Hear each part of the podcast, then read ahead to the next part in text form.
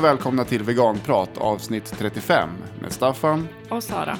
Den här gången blir det ett specialavsnitt. Det blir en längre dokumentär från rättegången mot tomma burar. För i fredags, den 15 januari, så var ju jag och Staffan och de andra i tomma burar, Johanna, Martin, Ramin och Robin i Västmanlands tingsrätt här i Västerås. Vi var åtalade för stöld av två grisar och åtta hönor. Och det var ju två av de tre öppna fritagningar vi gjorde i somras. Idag är det torsdag. Det har gått nästan en vecka sedan rättegången. Har du landat? Eh, Lite halvt. Eh, Jag känner att jag fortfarande eh, är i någon slags mellanläge. Jag har inte helt släppt allt som hände då. Jag har inte riktigt börjat ta tag i det som jag egentligen borde göra. Hur, eh, hur är det med dig? Är lite fortfarande kvar i rättegången i och med att jag håller på med den här äh, dokumentären. Vi, har, även- vi har även lagt ut lite ljud från rättegången på vår sida med tomma burar också. Det är ju det med civil olydnad, man blir ju aldrig färdig. Oj. Efteråt ska allting ut också, presenteras och kommunikation. Hela, hela tiden. Men det är väldigt roligt den biten också. Men eh, generellt om rättegången då, hur, hur var den? Eh, nej men det var en, eh, det gick ja, bara över all förväntan. Det var jättemycket folk. Det, vi fick prata om djuret i fyra timmar typ i, i en rättssal. Jag är väldigt nöjd. Nej men samma här. Vi var ju såklart lite stressade in, inför och nervösa och så. Men eh, så här i efterhand så, så är det bara positivt. Men vi tänkte kanske inte prata så mycket mer om det här utan istället lyssna på dokumentären som du har klippt ihop. Kunde inte riktigt hålla mig utan vill gärna vara där med bandaren också. Det är en viss trygghet också att ha Fatt- ja, den. jag fattar inte hur du kan, eh, hur du lyckas eh, hålla fokus på det Mm. samtidigt som det. Nej men jag går bara in och ut i rollerna. Det är som veganprat-Staffan och åtalad Staffan. Kriminella Staffan. Mm. Det var ganska lätt att skifta. Kan inte du säga något om schemat för dagen? På morgonen så var det ju förberedelser inför rättegången och, och, och sådär. Sen kvart över tolv så var det en manifestation utanför tingsrätten som eh, lite folk hade anordnat. Eh, och sen under eftermiddagen så var det själva rättegången. Och på kvällen så var det en rättegångsfest. En riktig hel dag. Ja, det var det. 07.30. God morgon. Jag sitter hemma i Robins kök. Vi ska äta frukost eh, innan vi tar oss hem till min lägenhet där större delar av Tomma burar befinner sig. Jag känner mig lite trött men ändå pigg. Jag har sovit från typ klockan ett i natt till klockan sju så det är ändå ganska bra. Eh, vi fick några ord på vägen av vår advokat Thomas när han sa någonting i stil med typ det här är er dag och eran upplevelse och ni ska göra liksom det bästa av det. Så att jag tänker att jag försöker bära med mig de orden att det ska vara ja, men lite som en så här studenten typ. Alltså det är en speciell dag. Och det kommer inte hända fler gånger tror jag, inte för min del i alla fall. Så att eh, jag ska försöka bara enjoy it. Det går ju att vara lite nervös inför studenten också. Det går det, det går det. Man får vara nervös. Det inte, alltså jag kommer också vara nervös. Det är klart jag kommer vara nervös. 09.11. Nu har vi kommit hem till Sara allihop. Vad, vad gör du? Jag tar bort eh, eh, gammal, gamla nagellacksrester. Ramin, hur är läget? Jag har precis klätt på mig, duschat lite, Martin håller på att öva på sin slutplädering och jag tänkte också öva lite innan ni kom instormandes med en härlig, god, sprudlande stämning. Nu sitter jag i soffan med Robin och eh, vi finslipar på din eh, slutplädering. Ja, jag har inte riktigt eh, fär, färdigställt någon. Eh, så det blir verkligen sista minuten. Jag har haft svårt att få ner något på papper.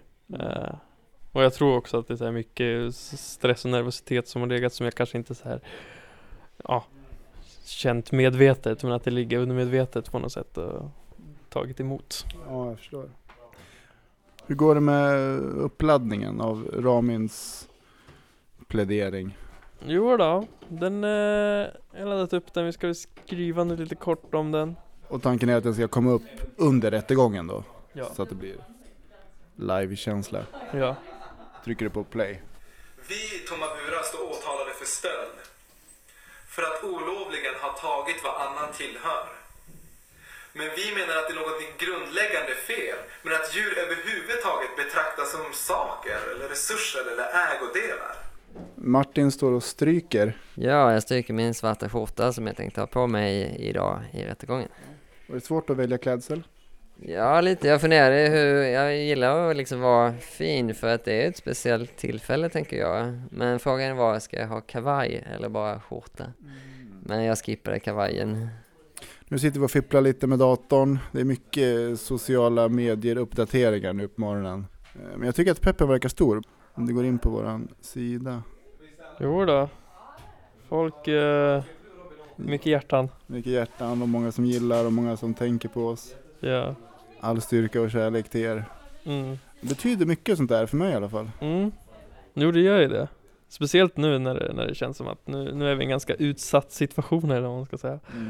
Då känns det extra bra. Nu har Otto kommit hem till Sara, eh, en av personerna som ska mm, arrangera den här ma- manifestationen. Och vi är i källaren. Vart är vi på väg? Vi ska hämta ett paviljongtält i förrådet. Vad kommer hända under manifestationen? Det kommer bli lite tal, förhoppningsvis lite musik Mm. och eh, mycket kärlek hoppas jag.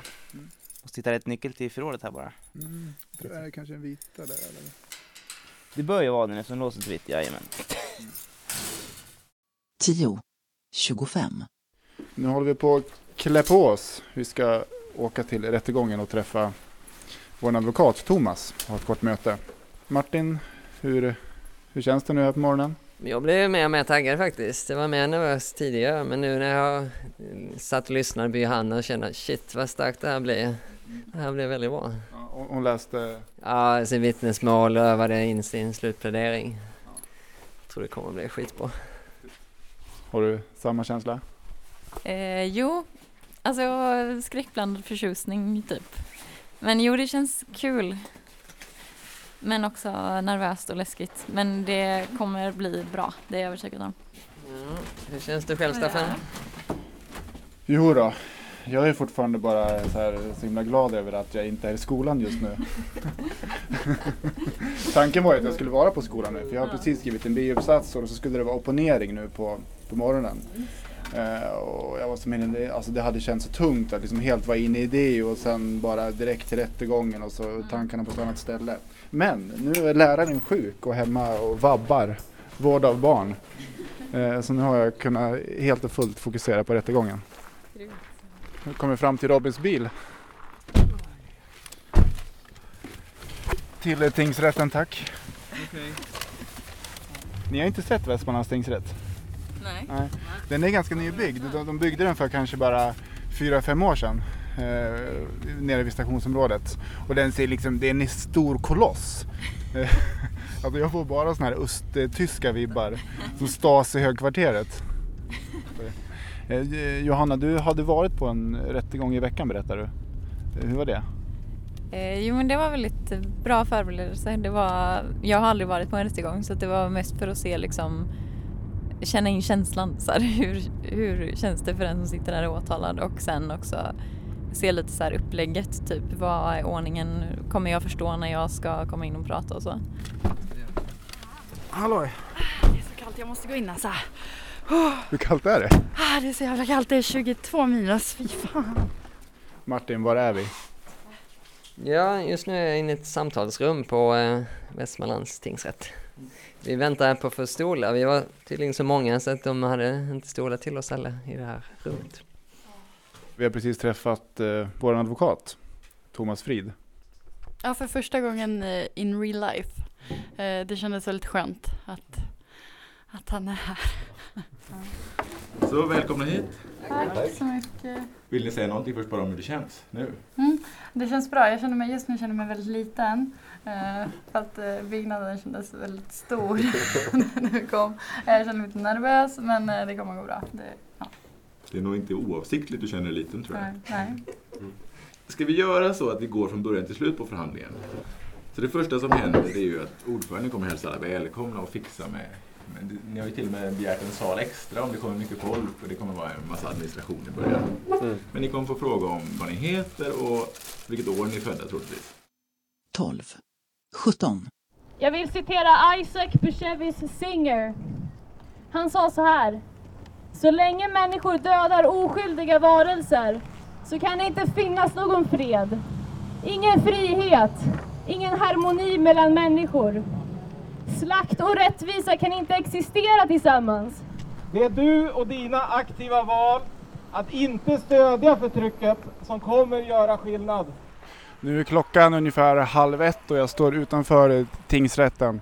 Och det har samlats kanske ja, 50 personer skulle jag säga som står och visar upp bilder på djur och det finns en stor banderoll där det står oss kan ingen äga och flera personer har hållit tal. Eh, och det, ja, det kände en helt fantastisk uppslutning. Jag hade aldrig kunnat tro att det, att det, skulle, att det skulle kunna komma så här många och att det skulle bli sån eh, mäktig känsla. Det är, det är verkligen häftigt. Då har eh, Martin Smedjeback någonting att eh, säga. Jag vill bara säga att det är helt fantastiskt att se så många vänner av djuren här och vänner av djuret. Eh, Vi från Tommabura är så tacksamma att ni vill vara här trots den här enorma kylan. Våra röster kommer bäras av eh, er närvaro här idag. Så tack så jättemycket. Stefan Cesinski, du är en av eh, många aktivister som har kommit hit idag. Varför har du kommit hit? Jag tycker sånt här, sånt här behövs. Man behöver ju vara visa sitt stöd och vara här på plats, stå upp. Det finns tillräckligt många som stöttar djurindustrin. Vi behöver vara några som visar att vi inte gör det också.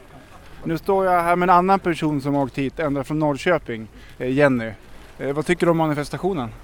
Det är min första överhuvudtaget. Men jag är, ja, glad att vara delaktig och glad att se att så många känner för samma sak.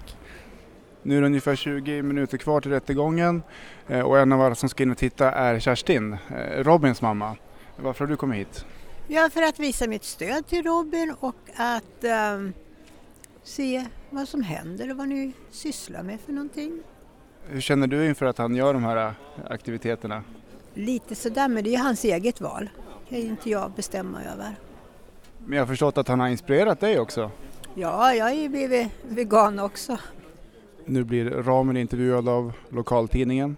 Kanske kan agera som ett prejudikat i framtiden till andra liknande Tror du på det? Nej, det tror jag väl inte på. Men det vore ju helt fantastiskt.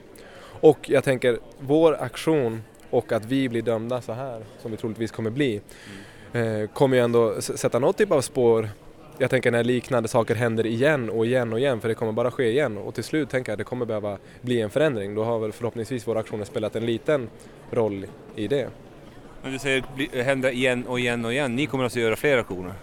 Ja, jag vet huruvida vi kommer exakt de här personerna och så, men det är ju fler och fler som får upp ögonen för djurrättsfrågan. Så att det kommer fler, ske fler aktioner oavsett om vi är andra som gör det, det råder det ingen tvekan om. Eh, Sara, tre minuter kvar till rättegången. Eh, Ja, nej nu börjar jag känna det är bara att, att köra. Det kan inte riktigt gå härifrån så. Tingsrätten håller huvudförhandling i mål mellan åklagaren och Robin Andersson med flera. Parter med ombud kallas i sal 1. Ja, Det måste varit det. Måste ha fel namn bara. Ja. 13, 20, Gruppen Tomma burar eh, bildades en bra tid innan den här händelsen. Det skapades redan ungefär för ett år sedan, januari 2015 av ett antal personer som eh, träffades och gick samman och bestämde sig att tillsammans bilda en grupp som hade ett syfte att, att arbeta samhällsförändrande mot ett samhälle utan djur i bur. Fram till augusti visste ingen vilken gruppen var men samma dag som första aktionen gjordes så publicerades namn och kontaktuppgifter till alla medlemmar i gruppen på internet. Och de ringde också upp polisen och berättade det. Varsågod åklagaren utveckla. Ja, tack. Mellan den 3 och 4 augusti 2015 så upptäcker då målsäganden i efterhand att någon har brutit upp dörren på hans lagård och där eh, tagit två griskultingar och också lämnat information efter sig om vilka det är som har varit där som har tagit det här och också lämnat en eh, burk med kakor. Ja, de är många grisar i ganska små utrymmen. Det är betonggolv, nästan ingen halm. För oss eh, i gruppen var det väldigt eh, smärtsamt att se att det är så här de här får leva sina, hela sina liv. Eh, och när vi väl fick upp dem i famnen så blev de lugna och de, det kändes tryggt och bra. Eh, och sen satte vi dem då i vår bil som vi kom dit i och åkte till det här nya hemmet som vi också har valt ut med omsorg för att grisarna ska ha det så bra som möjligt. Känslan var väldigt stark för mig när vi kom dit och släppte ner grisarna på gräs när de för första gången fick liksom gå på gräs och böka i jorden och ha liksom fritt utrymme att springa omkring. Det var väldigt så här, starkt och fick i alla fall mig att känna mig övertygad om att mer sånt här måste ske och vi måste ifrågasätta det på, på ett sånt här sätt. Avslutningsvis skulle jag gärna bara höra om du försöker förklara för mig varför tycker du att du har rätt att välja vilka lagar du ska följa? Jag tycker inte att jag har mer rätt än någon annan att bryta vilka lagar jag vill. Men däremot tycker jag att det är viktigt att se varför vi har lagar och vad lagen, vem lagen är till för. Jag, jag ser inte våra aktioner på något sätt som odemokratiska utan snarare någonting som gynnar demokratin för det ger röst åt en väldigt stor grupp individer som idag inte alls har några rättigheter enligt den lagen som vi har. Du har hört här då att målsägande upplever det som ganska kränkande. Var det något ni förutsåg innan? Och vad, vad, har ni gjort någonting? Eller vad, vad, hur tänkte ni kring det? Vad gjorde ni för att det skulle, eller vad gjorde ni på grund av det, den risken? Alltså jag har full förståelse för att hur bra man än gör en sån här sak så kommer de som blir utsatta för det ta illa vid sig. Jag tror att det är eh, naivt att tro att det går att göra på ett perfekt sätt. Men för att göra det på ett så bra sätt som möjligt så skrev vi breven och vi lämnade kakor och försökte förklara att det här är inte personligt riktat mot, mot de här personerna som ändå blir utsatta för det. Det är strukturella problem, det är inte bönder som är problemen utan det är specicismen och förtrycket som vi utsätter andra djur för och det är konsumenter såväl som producenter delaktiga i. Jag har all respekt för, för målsäganden och jag betvivlar inte någons omsorg kring djur men, men jag tycker att det eh, speglar så väl samhällets attityder och motsägelsefulla attityder kring andra djur. Eh, samtidigt som man säger sig bry sig om djur så är hela verksamheten byggd på att vi ska utnyttja djur för vår skull och döda dem. Jag tänker om vi i ett annat sammanhang hade, hade sagt att jag bryr mig om någon och därför dödar jag den så hade det varit helt befängt. Om en hund hade hållits instängd hela sitt liv på en liten, liten yta helt utan stimulans och kanske sovandes i sin egen avföring, då hade vi kallat det för regelrätt djurplågeri. Men bara för att vi gör precis samma sak med en gris, då är det föredömlig svensk djurhållning. Och det finns ju någonting väldigt problematiskt i det här som är viktigt att belysa för att kunna förstå varför vi har gjort det också. Ja, varsågod åklagaren utveckla. Ja tack, det är inte jättemycket att säga men den 14 augusti 2015 så försvinner åtta hönor och det sker på likartat sätt som det som vi har pratat om alldeles nyss. Skillnaden är ju då att det är eh, hönor istället för grisar. Vi eh, hittade en lapp och den berömda kakburken och eh, förstod att det hade varit inbrott. Och det här med hur många hönor, var det någon information som fanns i lappen? Eller ja, var det... det var deras information. Det var deras information. Mm. Var det någonting du kunde kontrollera? Jag har inte kontrollräknat det. Du har inte kontrollräknat. Kan du berätta för oss varför du inte har kontrollräknat? Nej, det är en uh, större grupp djur och... Uh, Ungefär hur många höns är det det handlar om? I just den gruppen? Ja. 3000 djur. Okay. Martin Smedjeback, vill du ställa någon fråga? Ja, en, en fråga kanske. De här åtta hönorna, hur länge har de fått leva uh, ungefär? De brukar vara hos oss i 75 veckor ungefär. Och vad händer med dem sen? Sen blir de föda för människor.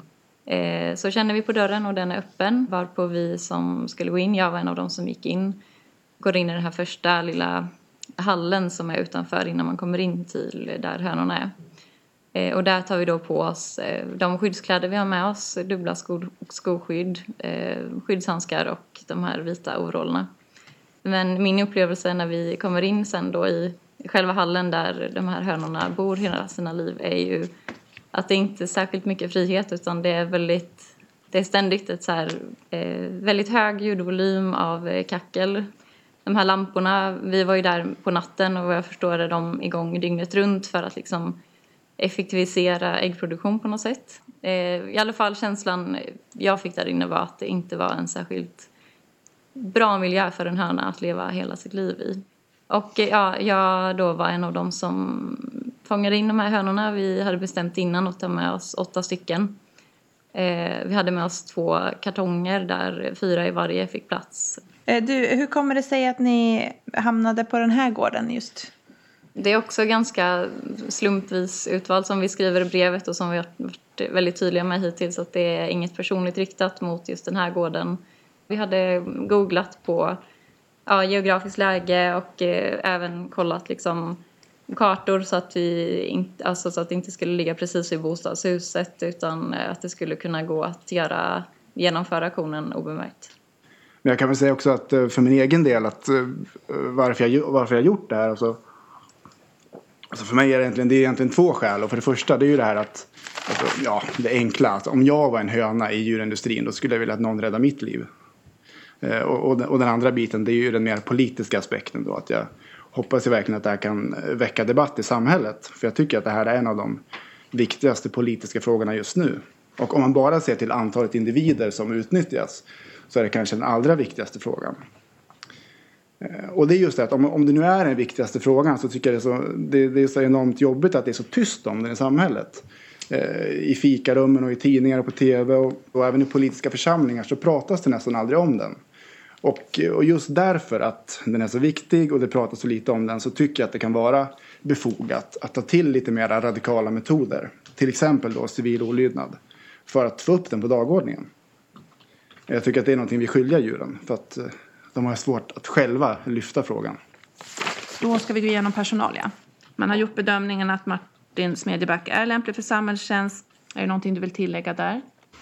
Ja, kanske att jag tycker att det här vi har gjort, de här aktionerna, det är en samhällstjänst. Så personligen tycker jag att jag har utfört ett, en tjänst i samhället. Som för samhället framåt i moralisk utveckling.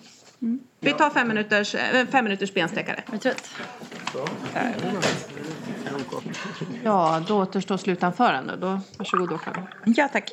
Ja, som jag ser det då så är ju omständigheterna klara på det sättet att att eh, samtliga tilltalade är ju överens om att de har varit inne i de här respektive ladugårdarna och ta, tagit med sig de här aktuella djuren, både hönsen och grisarna. Så min slutsats blir då att det inte är straffritt utan att samtliga ska dömas för eh, stöld. De är ostraffade och eh, mot bakgrund av det då så anser jag att de ska dömas till en villkorlig dom med dagsböter. Och Martin Smedjeback har ju då återfallit i brott. Han är dömd sedan tidigare för likartad brottslighet. Så därför anser jag att Martin Smedjeback då ska dömas till ett kortare fängelsestraff. Ja, advokat Frid, varsågod. Tack så mycket. Jag håller med åklagaren helt i att, att i sak är vi väldigt överens alla i rummet om vad som har hänt. Jag tror också att vi är ganska överens om Eh, uppsåtet och varför det här skett. Vad skälet var för samtliga personer i gruppen att agera på det här sättet. Eh, de har valt, inte för att de vill tillägna sig själva eller tillägna någon annan åtta hönor och två grisar utan de har valt att försöka arbeta opinionsmässigt och samhällsinriktad för att förändra en problematik som de ser. De ansluter sig till en tradition som vi i Sverige har haft länge från kvinnorörelsen till arbetarrörelsen till fredsrörelsen till miljörörelsen. Där man har kombinerat ett omfattande arbete av laglig verksamhet med enstaka kontroversiella olagliga aktioner. Ja, Rob, Robin Jonsson, vill du säga någonting avslutningsvis förutom vad din försvarare har sagt? Ja, det är så att varje år så dödas miljontals djur i Sverige. Det är kor, grisar, hönor, fiskar, älgar, kaniner, får och så vidare som blir fråntagna sina enda liv för att människor har ett intresse av att utnyttja deras kroppar och sen döda dem och äta upp dem. Eh, men faktum är att vi inte behöver utnyttja och döda djur överhuvudtaget. Vi kan leva som veganer och ändå uppfylla alla essentiella behov. Vi, vi kan i stort sett välja att döda och vi kan välja att inte döda. Och det är dags för samhället att börja respektera djurs rättigheter både socialt och juridiskt. Tack. Ja, Ja, Johanna Eriksson, vill du säga någonting avslutningsvis då, förutom vad din försvarare har sagt? För oss som grupp har det varit viktigt att följa de principer som finns inom civil olydnad. Och eh, jag tänkte jag kan snabbt nämna dem, vilka det är. Eh, det är fem aspekter som man brukar prata om. Den första är att det ska vara ett eh, lagbrott. Eh, det ska ha ett ideologiskt och politiskt motiv, inte ett egenintresse som är anledningen till att man gör det här lagbrottet. Det ska ske med öppenhet, det vill säga att aktörerna står för vilka de är och eh, samarbetar med, i kontakt med myndigheter och så. Eh, man ska vara villig att ta sitt straff. Och det ska ske på ett icke-våldsligt sätt. Och för oss har det varit väldigt viktigt att följa de här principerna. Vi tycker att det är en bra grund för hur ett engagemang bortom lagens gränser kan se ut. Vi i tomma burar står åtalade för stöld. För att olovligen ha tagit vad annan tillhör. Men vi menar att det är något grundläggande fel med att djur överhuvudtaget betraktas som saker eller egendom eller ägodelar. Vi ansåg oss ha varit tvungna till att bryta mot lagen. För var och en av Selma, Louise, Kajsa och hennes systrar, de är en unik individ, en någon, inte en sak som kan ägas av någon. Dörren som vi fick lov att bryta upp för att kunna rädda Selma och Louise, det är en sak. Det är något som varken kan känna glädje, smärta eller rädsla. Men ett djur är ingen dörr. Det förtryck som vi utsätter icke-mänskliga djur för är en av de största moraliska katastroferna någonsin. Det pågår dag efter dag efter dag. Och alla vi i samhället har ett ansvar att göra något. Vi måste göra allt vad vi kan för att stoppa det mänskliga utnyttjandet av andra djur. Och vi måste bryta mot lagen när lagen har fel. För idag så drar vi som en knivskarp gräns mellan mänskliga kroppar och icke-mänskliga kroppar. Och att befinna sig på fel sida om den gränsen det innebär ju bokstavligt talat att man svävar i livsfara. Så det jag hoppas med, med den här rättegången det är att den kan hjälpa till att sudda ut den där gränsen lite grann. Så att vi i framtiden kan leva i ett samhälle där alla får vara med och där alla räknas och där alla har ett värde. För ingen är fri förrän alla är fria. Den här rättegången har ju handlat mycket om vad vi i Tomma burar gjorde eh, under ett par sena augustinätter förra året. Men de egentliga huvudpersonerna i den här rättegången, det bör vara djuren. Och närmare bestämt eh, två grisar och åtta hönor. Nu kunde, kunde inte de vara här idag, men jag skulle vilja visa bilder på dem. Och detta är Louise och hon är en eh, gris som eh, först, är eh, först på maten och gärna vill bestämma. Och vi ser eh, eh, Selma här bak och hon gillar att bli kelad. Och eh, hon tycker om väldigt mycket när man kliar henne på, eh, på magen. Det är svårt för oss, de flesta av oss, att inse hur livet för ett djur i djurfabriken kan se ut. Men vi kan ha tankeexperiment som hjälper oss att eh, försöka förstå hur det kan vara. Så jag skulle vilja be er att själv tänka er in i situationen som jag nu beskriver. Du har spenderat hela ditt liv på ett område, ett minimalt utrymme på ett betonggolv.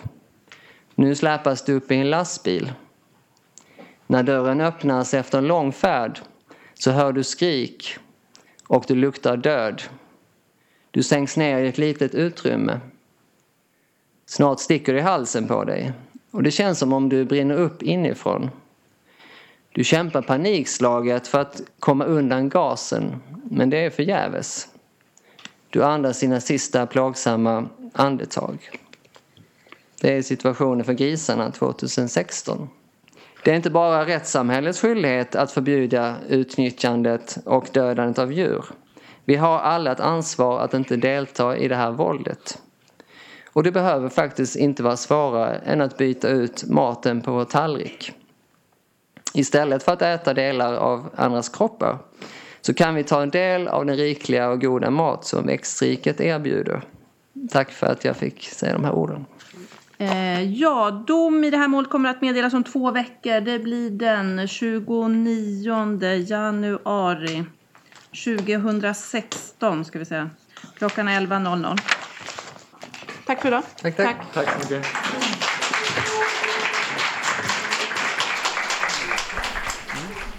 Det blev en lång rättegång, fyra timmar. Robin? Det, gick, det, kändes, det kändes bra. Mycket folk, applåder. Inte så jättesvettiga frågor men det är för att vi är öppna liksom. Uh, och det är, det är såklart skönt att det är över. Det är gjort. 17. 52. Vi är tillbaka hemma hos Sara. Ramen står och lagar mat inför kvällens eh, fest. Vi har hyrt en lokal i centrala Västerås. Vad blir det för mat? Ja, det blev ganska stressigt efter rättegången. Det var på direkten att vi behövde åka iväg och handla och eh, jag vill bara fixa det sista här nu inför festen för det kommer komma jättemycket folk och vi ska bjuda på mat och alla är hungriga. Mm. Så vi har lagat curry wrap ja, med så här um, curry majonnäsröra med anammas vegobitar. Och så blir det lite sallad och god äpple och sånt i det. Så vi håller på och steker och gör ordning det sista. ser bra ut. Nu har det gått eh, nästan en timme sedan rättegången. Vad, vad har du för tankar och känslor? Jag har inte hunnit komma ur. Det var som att vi pratade med Thomas direkt efteråt, bara väldigt snabbt och sen åkte iväg. Nu måste vi fixa nästa grej för nu är det festen. Så från att ha varit åtalad det känns det nu som att nu ska vi vara festvärdar så då är det in i, snabbt i nästa grej. Men eh, det var ju som att vår stora grej var ju under slutpläderingen. Alla efter varandra sa väldigt kraftfulla saker. Det tror, tyckte jag var väldigt mäktigt. Och det gjorde allting värt. Martin sitter vid ett bord här, käkar soppa. Oh, jag tycker det är så skönt att det är över. För det har varit lite anspänning att tänka på det och öva in vad jag skulle säga och sådär. Och, ja, nervositet. Eh, hur det skulle gå. Om vi skulle känna oss nöjda efteråt. Om vi skulle få sagt det vi ville. Men jag tycker det gick lysande och ordförande var... Ja, men hon eh, lät oss eh, hållas och säga det vi ville. Och åklagaren var väldigt mild kom vi, kunde vi konstatera. Gick inte alls hårt åt oss. Väldigt saklig och lugn och verkligen pressade oss inte alls faktiskt. Så det var skönt. Nej, jag håller med. Jag hade också någon tanke om att de, de skulle kunna ha kört en, en helt annan väg och målat upp bilden av oss som samhällsfarliga eller ja, med terrorister och att bryta mot lagen är alltid fel och så. Men ingenting sånt, utan det var väldigt sakligt juridiskt. Och eh, de lät oss utveckla alla våra tankar och Ja, det var väl kanske i slutet där, eftersom rättegången blev ju ganska lång. Den blev ju ändå fyra timmar. Och mycket på grund av det var tekniskt strul eh, hos dem. Det var, kan ha varit en halvtimme som försvann bara i det. Men då, då märkte man att eh, under slutpläderingarna så var ju ordföranden lite stressad också. Mm. Jo, de skulle väl stänga hela tingsrätten tror jag. så att, eh, de, hon hade nog lite press på sig att försöka att hålla oss kort. Men eh, det, det, gick ju. Jag, menar, jag tror att vi fick det, det mesta sagt, om inte allt så nästan allt faktiskt. Ja, vi får prata mer senare. Jag måste iväg till festlokalen. Sara har ringt och är i upplösningstillstånd. Hon är ensam där. Ingen annan är där. Eh, hon pratade om att jag skulle ta med någon stärkare. Vad var det för någonting? Jag har tagit fram den och vi har laddat allting så jag kommer ta med den. Jag förstår inte varför hon ringer det. Och hon är inte ensam där. Såvida hon inte ser på Kajsa som att hon inte finns. För Kajsa är nämligen där. Nu är jag på väg till eh, festlokalen som ligger här i centrala Västerås. Och medan jag är på väg hit så tänkte jag att ni kan få lyssna på Thomas Frid, våran advokat. Eh, jag hann tyvärr inte göra någon intervju med honom efter rättegången för han skulle med ett tåg tillbaka till Göteborg. Men ja, jag ska ringa upp honom om några dagar och göra en Skype-intervju. Så den kör vi nu. Eh, varför tog du dig an vårt fall? Jag har ju själv en, en bakgrund som aktivist som inom fredsrörelsen, att göra aktioner och att bryta mot lag genom civil olydnad. Och jag tycker det är väldigt spännande när det inte bara handlar om samhället som ensidigt ska straffa människor som bryter mot regler utan i sådana här processer där det gäller människor som vill förändra samhället genom att bryta mot regler. Jag tycker det är roligt framförallt, det är därför jag gärna är med. Eh, var vårt eh, mål komplicerat ur ett juridiskt perspektiv? Nej, det var det ju verkligen inte. Det var ju väldigt rakt fram därför att ni hade ju inte tänkt eller inte velat tänka på, på vad som skulle kunna vara lagligt och inte utan gjort precis det ni ville och var väldigt medvetna om vilken typ av påföljd det kunde vara och att det kunde, att det kunde vara ett brott. Kan vi bli frikända? Absolut, och det finns absolut lagstöd för att fria er. Eh, de skulle kunna använda nödparagrafen, de skulle kunna använda straffrihetsparagrafen. Men de, det finns ju ingen sannolikhet att det skulle hända så. Det är inte troligt på något sätt. Men det är mer en, en, en politisk poäng än en juridisk poäng. 18. 16. Nu är jag framme. Dåligt med folk här. Nej, inte nu. Jag är stressad. Det här är stressigare än rättegången alltså. Inte Nej, nu ska du hjälpa till. Du ska inte spela in. Vad ska jag göra? Sluta, du ska sätta, lägga upp chipsskålar. Men det är en jättefin lokal och Kajsa är ju här också. Du har fixat här. Det är ballonger med hjärtan och du har satt upp bilder här på, på alla djur. Ja, men titta vad fint det är. Från aktionerna. Yes. Underbart. Nu är det bäst att jag lägger ifrån mig den här. Jag tror att eh, Sara uppskattar inte. Nu, nu börjar den upprepa sig. Ja. Kommer det fram en, Overheaden Sara, tror du det funkar som belysning? kommer det fram en annan sida av Sara? 19. 43. Eh, nu står jag här med Jesse och Jasmine från eh, Eskilstuna respektive Västerås. Hur, hur var rättegången från ert perspektiv? Ni satt i publiken. Jag tycker att det kändes väldigt mäktigt att sitta i publiken, framförallt eftersom att det var så himla många veganer på plats. Eh, jag har pratat om det hela kvällen nu känns det som, men jag tyckte det var så himla roligt att, eh, att det är veganer landet över som har kommit från olika städer, ibland ganska långt ifrån, för att stötta och för att visa sin ståndpunkt och sina åsikter, alltså gentemot djuren och sen där det ni har gjort för dem. Och sen så tyckte jag det var så himla roligt också och väldigt uppfriskande att eh, allt som ni framförde motsattes aldrig av motparten utan alltså de de, det, det var mest ja, det är så synd om mig, liksom, jag känner mig kränkt och bönderna liksom satte sig i offerposition och pratade bara för sin egen personliga vinning och ekono, ekonomin framförallt. Det var det enda anspråket de hade, skadestånd och ekonomi. Det var ingen som hade någonting att motsätta alla andra etiska och moraliska argument och det tycker jag är, säger väldigt mycket i sig. Ja, rättssystemet behöver ändras så att den gynnar djuren också, inte bara människor. Otto, vi pratade i förmiddags om eh, manifestationen. Hur tyckte du att den gick? Den gick kanon. Eh, ljudet dog, som väntat. Eh, backupen dog, som väntat. Men våra röster hördes ändå tycker jag, så att, eh, det, det gick vägen, det gick bra. Det var kylan som knäckte ljudsystemet eller? Ja, den knäckte tekniken men inte våra, våra sinnen och hjärtan. Eh, nu står jag och Sara här med Pelle Strindlund och Annika Spalde. Två djurrättsveteraner, får man väl säga. De har gjort många öppna friktagningar tidigare, framförallt kanske i gruppen Räddningstjänsten. Eh, varför är ni här idag? Ja, den här eh, eh, aktionsgruppen, er aktionsgrupp och era aktioner eh, gjorde mig på så bra humör hela augusti månad att eh, det var givet att jag ville hit. Jag tycker jag har gjort fantastiska aktioner, fantastiskt eh, arbete kring aktionerna. Och det har varit jättepeppande att vara här. Jag blev eh, slagen av hur många människor som slöt upp och bevittnade eh, rättegångarna, var med kring rättegångarna. Eh, de, jag var ju med i rätt många eh, hundsfritagningar eh, vid eh, eh, millennieskiftet och första åren på 00-talen och eh, eh, vi hade aldrig i närheten av så här många besökare på våra rättegångar. Så att det har varit eh, eh, ja, jättekul att vara här. Annika, hur har du upplevt dagen? Ja, det känns väldigt bra att vara här för jag tycker just auktionsrättegångar är ett speciellt tillfälle. Det är liksom, dels så blir det så här tydligt, det är ett tydligt drama. Det, det blir den här konflikten mellan vad vi tycker och vad staten tycker och så liksom möts de två åsikterna i rättssalen och så det är någonting med det som, eh, det är en dynamik som eh, ja, ger ofta inspiration. Jag har hört från många så här, som är, börjar komma in i någon rörelse, aktiviströrelse som blir jättepeppade när de har varit på en, lyssnat på en rättegång. Men sen det nästan allra mesta är ju det som är runt omkring då, så här, fest och häng och så här, prata med, trä- träffa folk och prata och så. Men det är ett bra tillfälle, så här, peppa varandra och uppmuntra varandra och kanske så här, planera för framtida grejer. Just det, det är nu det börjar, planeringen inför nästa.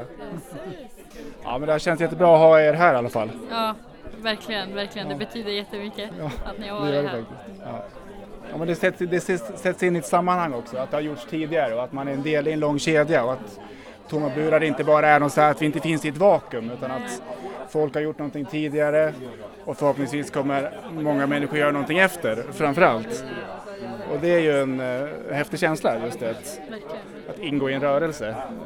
De här underbara filmerna som ni har producerat kring aktionerna är ju så viktiga också i den bemärkelsen att de, de kommer att leva kvar i många år framöver och kunna inspirera aktivister eh, eh, till liknande aktioner i framtiden. Ja, för det vi pratar vi om att det är lite skillnad nu med all eh, modern teknik med filmer och med sociala medier. Det är lätt att liksom eh, samla mycket folk och mobilisera eh, på ett annat sätt än vad ni kanske hade då i början av 2000-talet. Eh, hur skulle du beskriva skillnaden? Ja men eh, det är precis som du säger, då fanns ju e-mail, det hade vi. Och det fanns e-mail-listor. Det fanns en som hette, eller the e-mail-lista, var- den hette vegan djuretik. Men eh, ja, sociala medier fanns inte, Facebook fanns inte.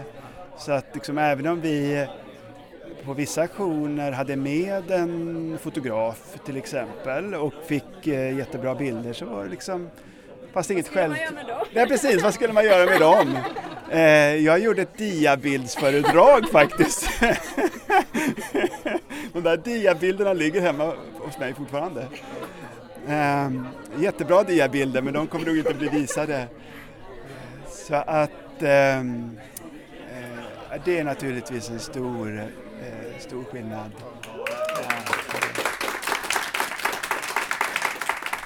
Jag kan säga det bara. Ja, jag skulle vilja, jag höll på under rättegången där. Jag är lite dålig på att sitta och lyssna. Jag har varit lärare i 20 år så att jag är van att hålla låda själv. Så, så att jag satt och, och chattade, liksom skrev mycket av eh, rättegången. Och jag skulle vilja sammanfatta mitt intryck av den här rättegången, vad, vad den innebar egentligen. Och som jag så, såg det, så oberoende av vad domen blir den 29 så har eh, tomma burar och vegansverige och hela, hela veganismrörelsen vunnit en jättestor seger idag. Därför att om man vill lyssna på vad de sa, vad åtal, åklagarsidan sa, de hade ingenting. Jag hoppas att den här rättegången, tomma burar och vegansverige får all den uppmärksamhet som vi förtjänar.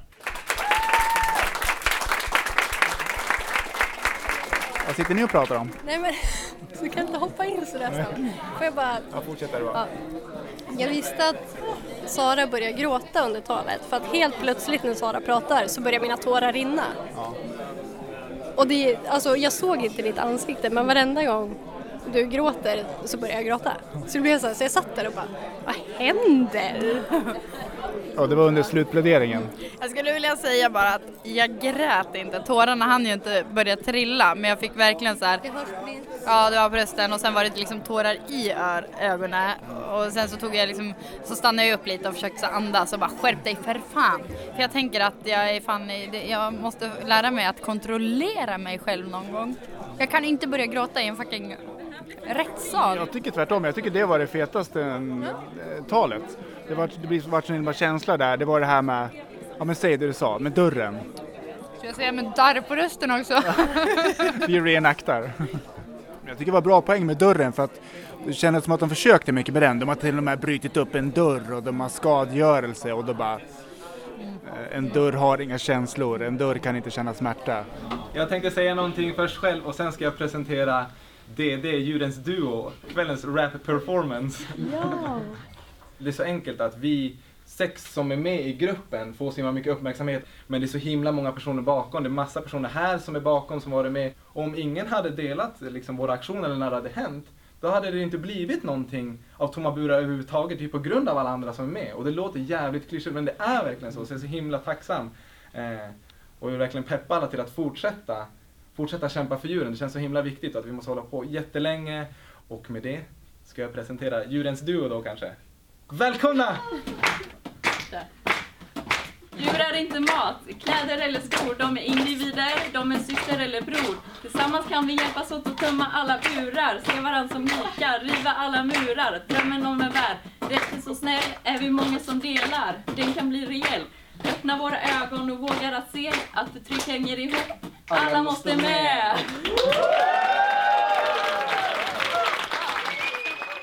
0, 1, 24. Nu är festen slut.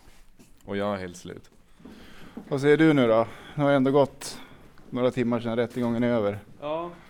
Det, just nu så känns det bara, eh, har jag bara positiva känslor i kroppen. Eh, Det var omtumlande. Men det var roligt att träffa så mycket folk och att, att alla kommer och ställer upp och sådär. ja, verkligen. Var är bilen? Här framme. Ramin, du får sista ordet. Sammanfatta dagen. Hektisk, lång, nervös, spännande. Men fylld av stöttning, kärlek och eh, positiva förhoppningar inför djurrättsåret 2016 med massa nya aktivister, massa ny energi och pepp. Det kommer bli ett bra år.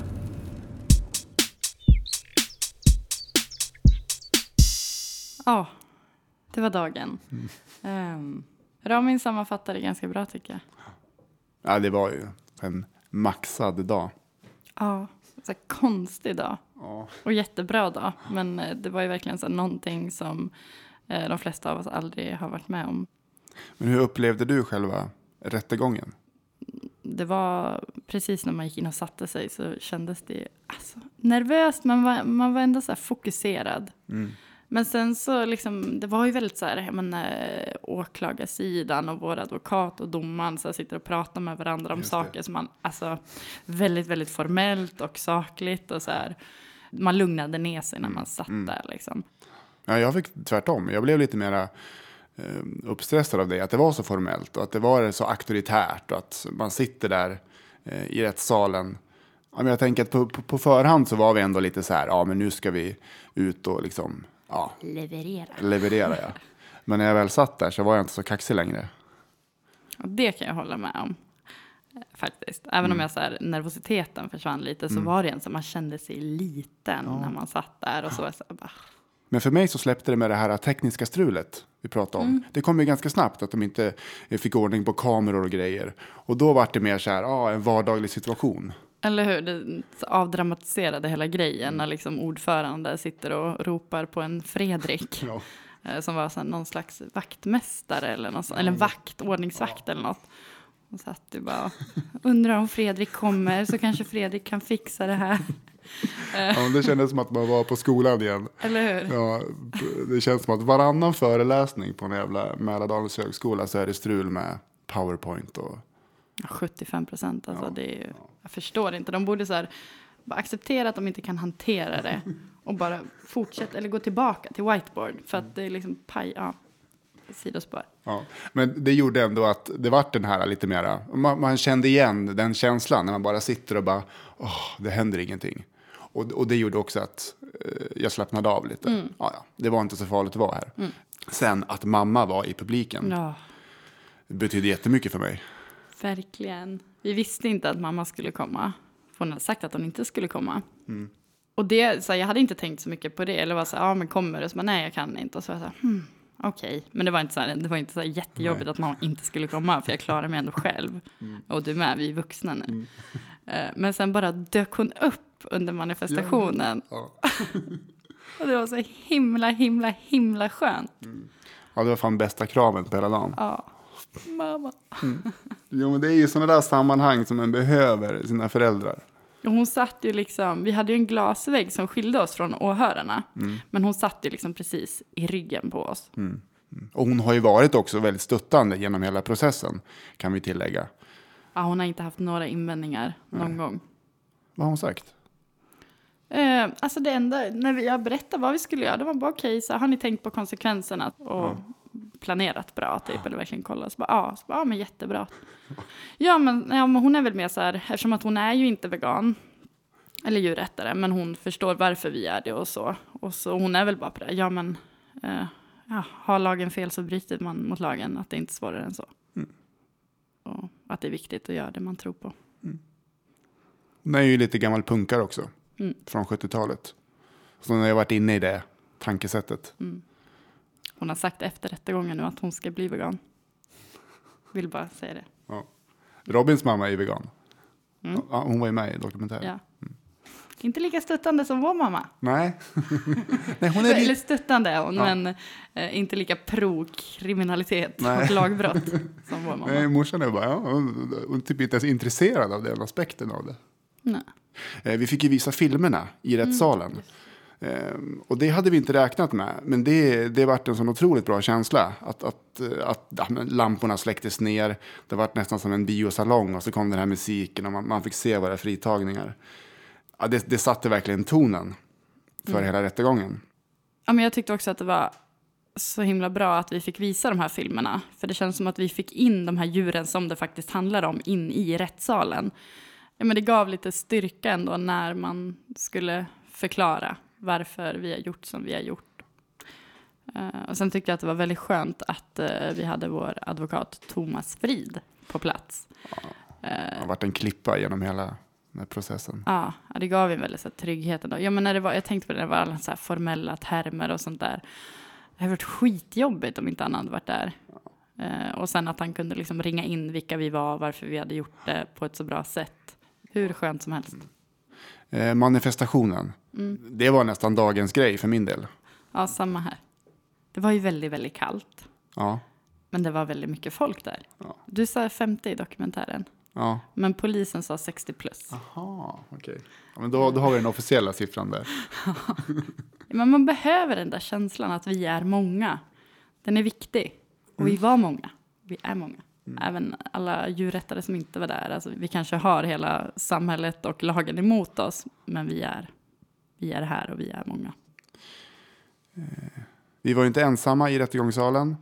Det fanns ju även några på andra sidan. Mm. Målsäganden.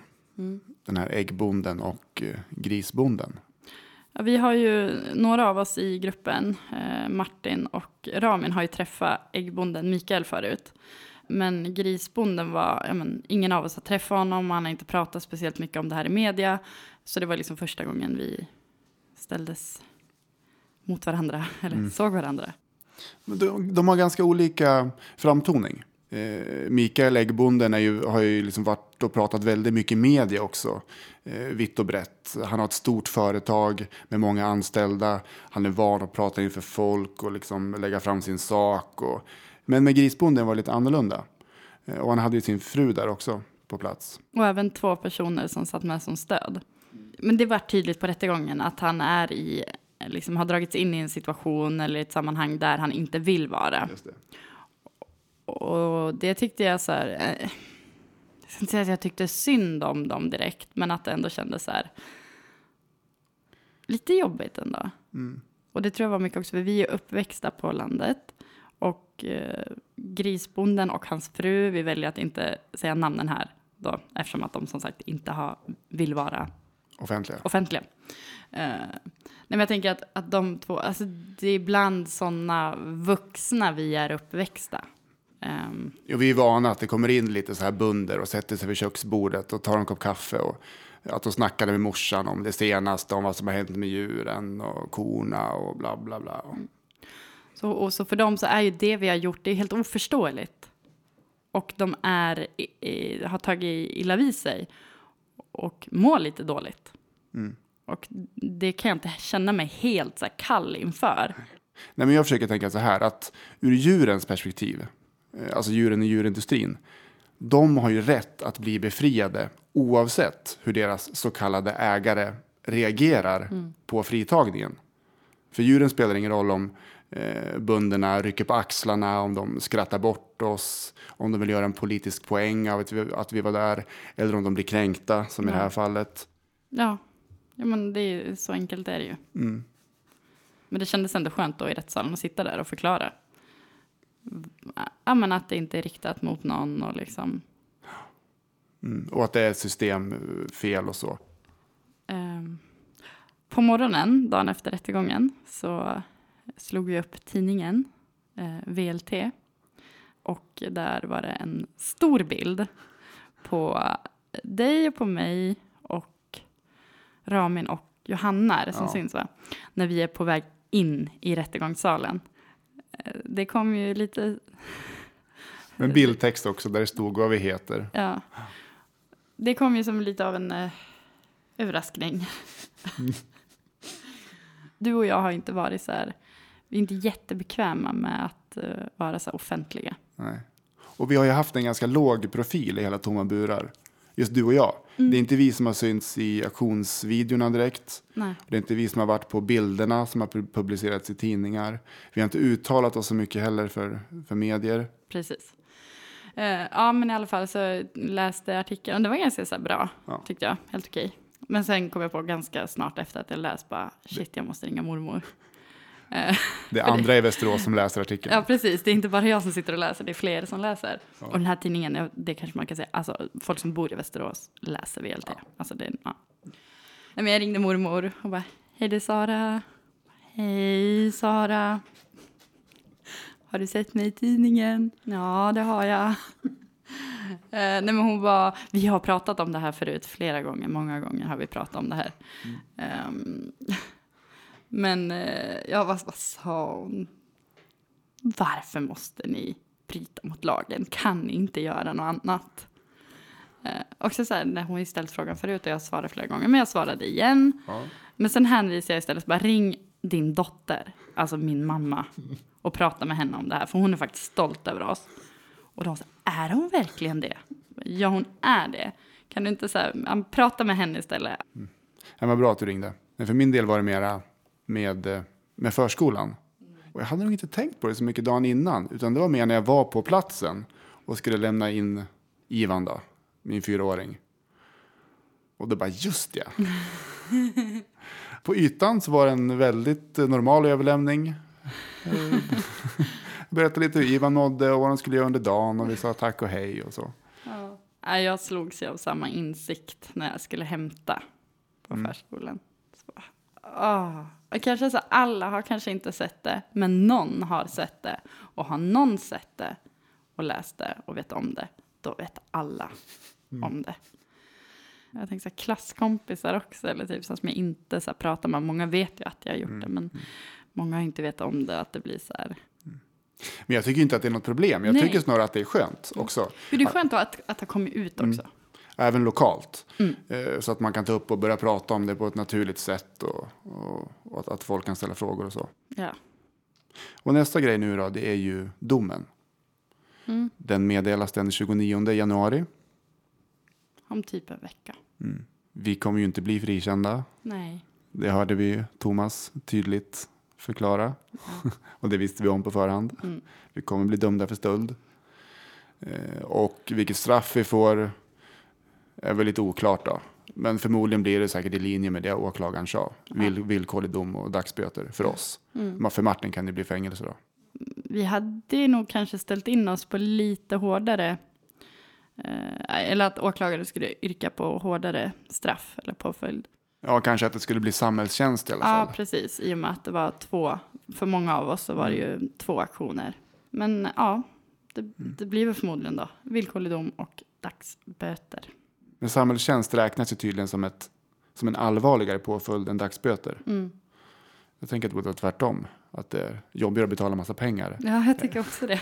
än att vara i, i, och, och, göra- än att göra samhället en tjänst. Jag var nästan lite pepp på samhällstjänst för att typ jag har gjort en bra sak och sen får vi göra mer bra saker för Mm. samhället. Jag hade till och med kollat, på rättegången så pratade jag med en som är aktiv i tjejjouren här i Västerås. Så Mm. jag kollade läget lite redan innan, innan rättegången om det fanns möjligheter att vara på tjejjouren. Mm. Ja, för det ska göras i en förening. Eller säkert bara på kommunen eller något sånt. Ja, Det hade varit riktigt häftigt att göra det på typ eh, Djurens Rätt eller något sånt. ja. Undrar om vi hade fått det. Mm, jag tror att man får det, bara det inte är liksom en förening som man själv är aktiv inom. Ja, just det. Så. Ja, det hade ju varit något. Ja. Samhällstjänst i veganprojektet Västerås. Ja? Och stå och hålla föredrag om rättegången mot tomma burar. Ja. Då hade bönderna blivit sura. Ja. Det har vi, bönderna, eh, någonting. Vi pratade ju om hur, hur det var på plats där. Men vi har också sett i efterhand på nätet att de är ju ganska missnöjda med rättegången. Mm. Ja, Eh, det förstår jag. Mm. För det var ju verkligen vi som fick komma till tals och vi som fick prata om djurrätt och Mm. eh, specicism och så vidare. Eh, Och åklagaren gick inte in så jättemycket på eh, deras känslor och deras upplevelser och hur de ville förklara saken. Nej, för det känns ju som att liksom så här, eh, Bonde-Sverige har ju kört på terrorister, typ, Mm. kört den linjen. Mm. Och de hade nog hoppats på att åklagaren också skulle tycka, eller inte tycka, men, men köra lite så. Men så blev det ju inte alls. Så Och jag har sett besvikelsen också. Mm. Folk tyckte att det var åt helvete hur folk kunde få prata fritt så länge och inte Ja. bli avbrutna. Och... ja, Jo, det är en skillnad där, tänker jag. Det är en skillnad på de bönderna som, som satt där och på liksom lobbyn och organisationen, Mm. och liksom LRF och, och liksom hela den. För där tänker jag, där kan man ju gå på rätt hårt. Där vill vi ju ha debatt och där ska det vara liksom ett, ett högt tonläge. För vi har ju fundamentalt olika intressen. eller hur? Så det kändes som en liten seger även ur det perspektivet. Mm. Jag sa i dokumentären att jag inte kommer göra fler fritagningar. Sa jag verkligen det i dokumentären? Ja, i början. Det är inte det absolut första? Eller jag har klippt bort det. Vet inte. Kanske jag sa. Eventuellt sa du i dokumentären att du inte kommer göra fler fritagningar. Kommer du göra fler fritagningar? Jag kommer ta en liten paus. Och kanske fokusera mer på andra grejer inom djuret. Ja, men med podden och kanske föreningen och skriva debattartiklar och satsa lite på hemsidor. Lagliga aktiviteter. men det är ju mest för att det är en sån anspänning och så eh, in, inför och att det, det, det kräver mycket av en och att man, man är mycket i in the spotlight. Eh, men eh, jag hoppas ju att det sker fler fritagningar. För jag tycker ju att det är en väldigt bra grej. Alltså, det blir verkligen ett samtal i samhället om det här. Mm. Jag pratade med någon annan kompis här i, i, i Västerås eh, som inte är så mycket djurrättare och de hade pratat om oss på, jobb, på sitt jobb. Mm. Och, och då inte bara avfärdat oss utan verkligen så här, bara, är det rätt och fel att bryta mot lagen och civil olydnad och bla bla bla. Och det, alltså, det, det sätter igång Mm. saker. Det blir intressant för människor. Och, och de, de tvingas ta ställning till om det vi gjorde var försvarbart eller inte. Och vad djur är. Mm. Är djur någonting vi bara kan äta upp eller är de någonting mer? Ja, jag hoppas också att, att är andra som gör det och jag är helt övertygad om att andra kommer att göra det här och att vi är inte alls nödvändiga. Eh, vi, som, vi som har varit med i tomma burar den här gången. Eh, det är liksom fritagningar har gjorts förr och nu och det kommer göras sen. Men som du sa, alltså det har ju varit ett extremt år, alltså för oss personligen, på ett personligt plan och det, det kräver en del av en. Så att, eh, ja, nej, men jag tänker att alltså som förälder och sådär, vi får ta det lugnt ett tag nu. Men eh, jag tänker att när Saga och Adam har blivit lite äldre och engagerade djurrättare, då kan vi göra det tillsammans. Det ser fram emot. Det var allt för den här gången. Ja, nästa gång är vi tillbaka med ett mer traditionellt avsnitt. Jo. Eh, Då ska vi väl förmodligen prata om SVTs nya vegetariska matlagningsprogram. Vegorätt. Svårt Många har pratat om programmet och vi vill gärna... Kommer det finnas något att säga? Det känns som att allt redan är sagt. Ja, jag tycker det är kul. Har du tittat? Nej, jag har inte tittat. Jag tittade lite igår. Jag har sett tio minuter. Jag tycker inte att det är en så stor grej heller. Jag tror inte att det skadar djurrättsrörelsen så fruktansvärt mycket i och med att till och med köttätare ser att det här, det här kan inte vara alla Sveriges veganer och vegetarianer. Det är helt orimligt. Världen skulle se helt galen ut. Eller Sverige skulle vara helt kaos om 10 procent. Jag vet inte, satt på, vad var det, höbalar? Eller Höbalar Hade hö på mackan? Var det Nej, inte något sånt? nej. Nej, okej, det kanske bara... det har jag läst. alltså är det sant. Vi kanske pratar om det nästa avsnitt. Mm. Ni får jättegärna mejla oss. Kontakt snabel a veganprat.se Eller kommentera på avsnittet. veganprat.se Och om du inte är vegan, Bli vegan. Hej då! hej då!